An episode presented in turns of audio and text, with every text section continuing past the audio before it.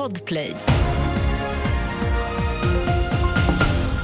Vi börjar med att en man i 30-årsåldern vårdas på Västerås sjukhus för svåra skottskador. Polisen vet ännu inte var mannen ska ha skjutits eftersom inget larm om någon skottlossning kommit in till dem.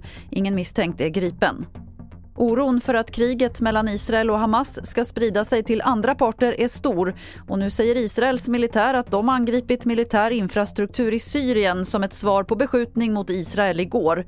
Therese Kristiansson rapporterar från Jerusalem.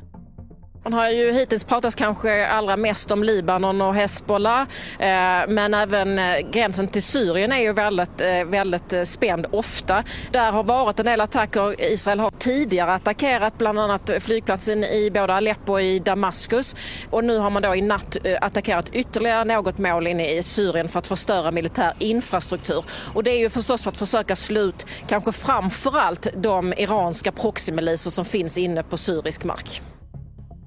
Till sist kan vi berätta att det har varit en ny stöld av ambulanskläder i Stockholmsområdet för andra gången på kort tid, rapporterar SR. Det var natten till igår som tjuvar slog till mot en ambulans i Rissne och kom över två uniformer. I söndags stals också två uniformer från en ambulansstation i södra Stockholm.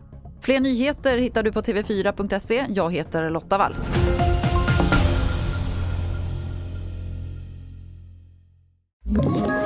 Ett poddtips från Podplay.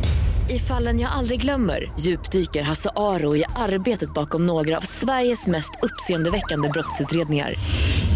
Går vi in med hemlig telefonavlyssning och, och då upplever vi att vi får en total förändring av hans beteende. Vad är det som händer nu? Vem är det som läcker? Och så säger han att jag är kriminell, jag har varit kriminell i hela mitt liv men att mörda ett barn, där går min gräns. Nya säsongen av Fallen jag aldrig glömmer på Podplay.